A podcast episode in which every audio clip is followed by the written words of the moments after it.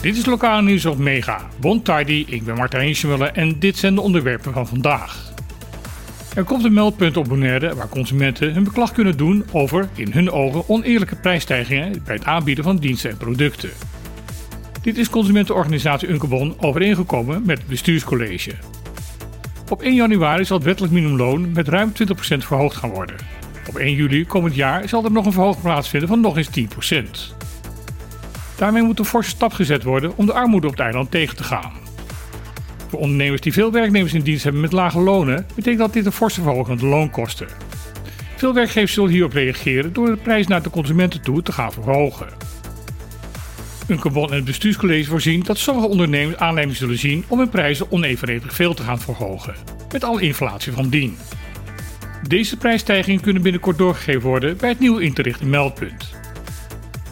Omdat er ook sprake is van veel onduidelijkheid bij de werkgevers, zal er nog voor de kerstdagen een helpdesk voor ondernemers komen.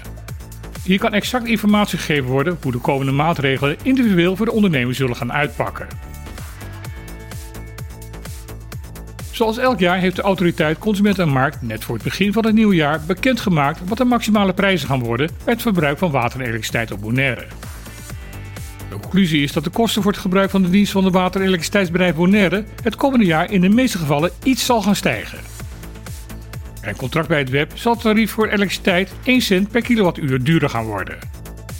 Maak je gebruik van de prepaid service Pakebon, dan daalt het tarief met 4 cent per kilowattuur. De kosten van het water stijgt iets meer, namelijk met 26 cent per kubieke meter. Deze laatste prijsstijging is er nog geen rekening gehouden met mogelijke subsidies. Er zijn voor de kust van Bonaire Portugese oorlogsschepen gesignaleerd. Dit zijn geen zeeschepen van een bevriend Europees land, maar de naam van een grote kwallensoort. Als je er een in zee ziet, lijkt het op een met een luchtgevulde plastic zak in roze en paarse tinten. Net als bij echte oorlogsschepen moet je er ver uit de buurt blijven. Onder water hebben deze kwallen namelijk tentakels van soms 50 meter lang. Hiermee worden prooidieren gevangen en verlamd met het gif dat in deze tentakels zit. Ook voor mensen is dit gif niet ongevaarlijk. In het beste geval geeft het veel overlast zoals hevige pijn, blaren, braken en ademhalingsproblemen. In een heel slecht geval kun je er zelf door verdrinken, omdat het gif ook verlammingsverschijnselen kan veroorzaken. Dus blijf ver uit de buurt en mocht je toch gestoken worden, ga dan onmiddellijke medische hulp zoeken. Op het Venezolaanse fruitbootje Maria de la Paz zijn er bij een controle illegale goederen aangetroffen. Het ging dit keer niet om drugs, maar om dagelijkse goederen die onder een invoerverbod vallen. Het ging om 280 kilo aan kaas, vers vlees en verse vis. Om gezondheidsredenen mogen deze artikelen niet ongecontroleerd op Bonaire worden ingevoerd. Daar werden de goederen in beslag genomen en vernietigd.